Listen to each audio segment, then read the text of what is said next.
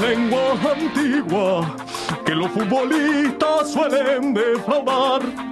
Y a mí no me consta ningún movimiento que con mala fe alguien pueda tramar. Mire usted. Oiga, se lo digo con cariño. Pago mis impuestos, todo está legal. Mire usted, quizás Leo Messi es presuntamente quien tenga algún fleco a regularizar. Vamos todos.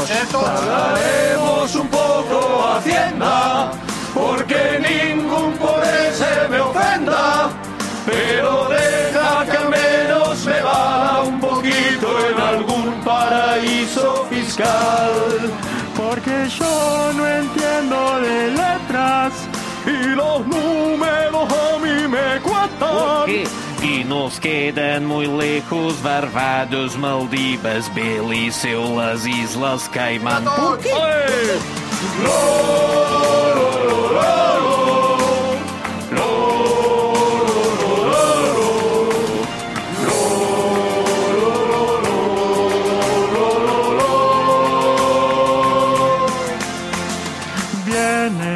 soy del Barça. Venga, Leo. Y me acusan con total impunidad. Pero cuando salgo siempre del jugado, firmo los autógrafos, soy ejemplar. Siguis del Barça és el que els fot ràbia. Mira les declaracions en paper de fumar. Jo tossudament vaig marxar a la Premier. En el fons sóc jo el primer exiliat. Porque es fake Hacienda somos todos, aunque estés metido hasta los codos. Ay, Juan Carlos, págame un gin tonic del bar del Congreso con tarjetas black.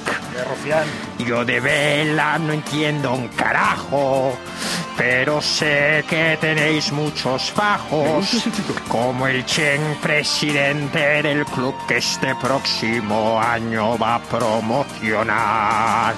Y trampillas, trampillas, trampillas, anda que los autónomos pringan.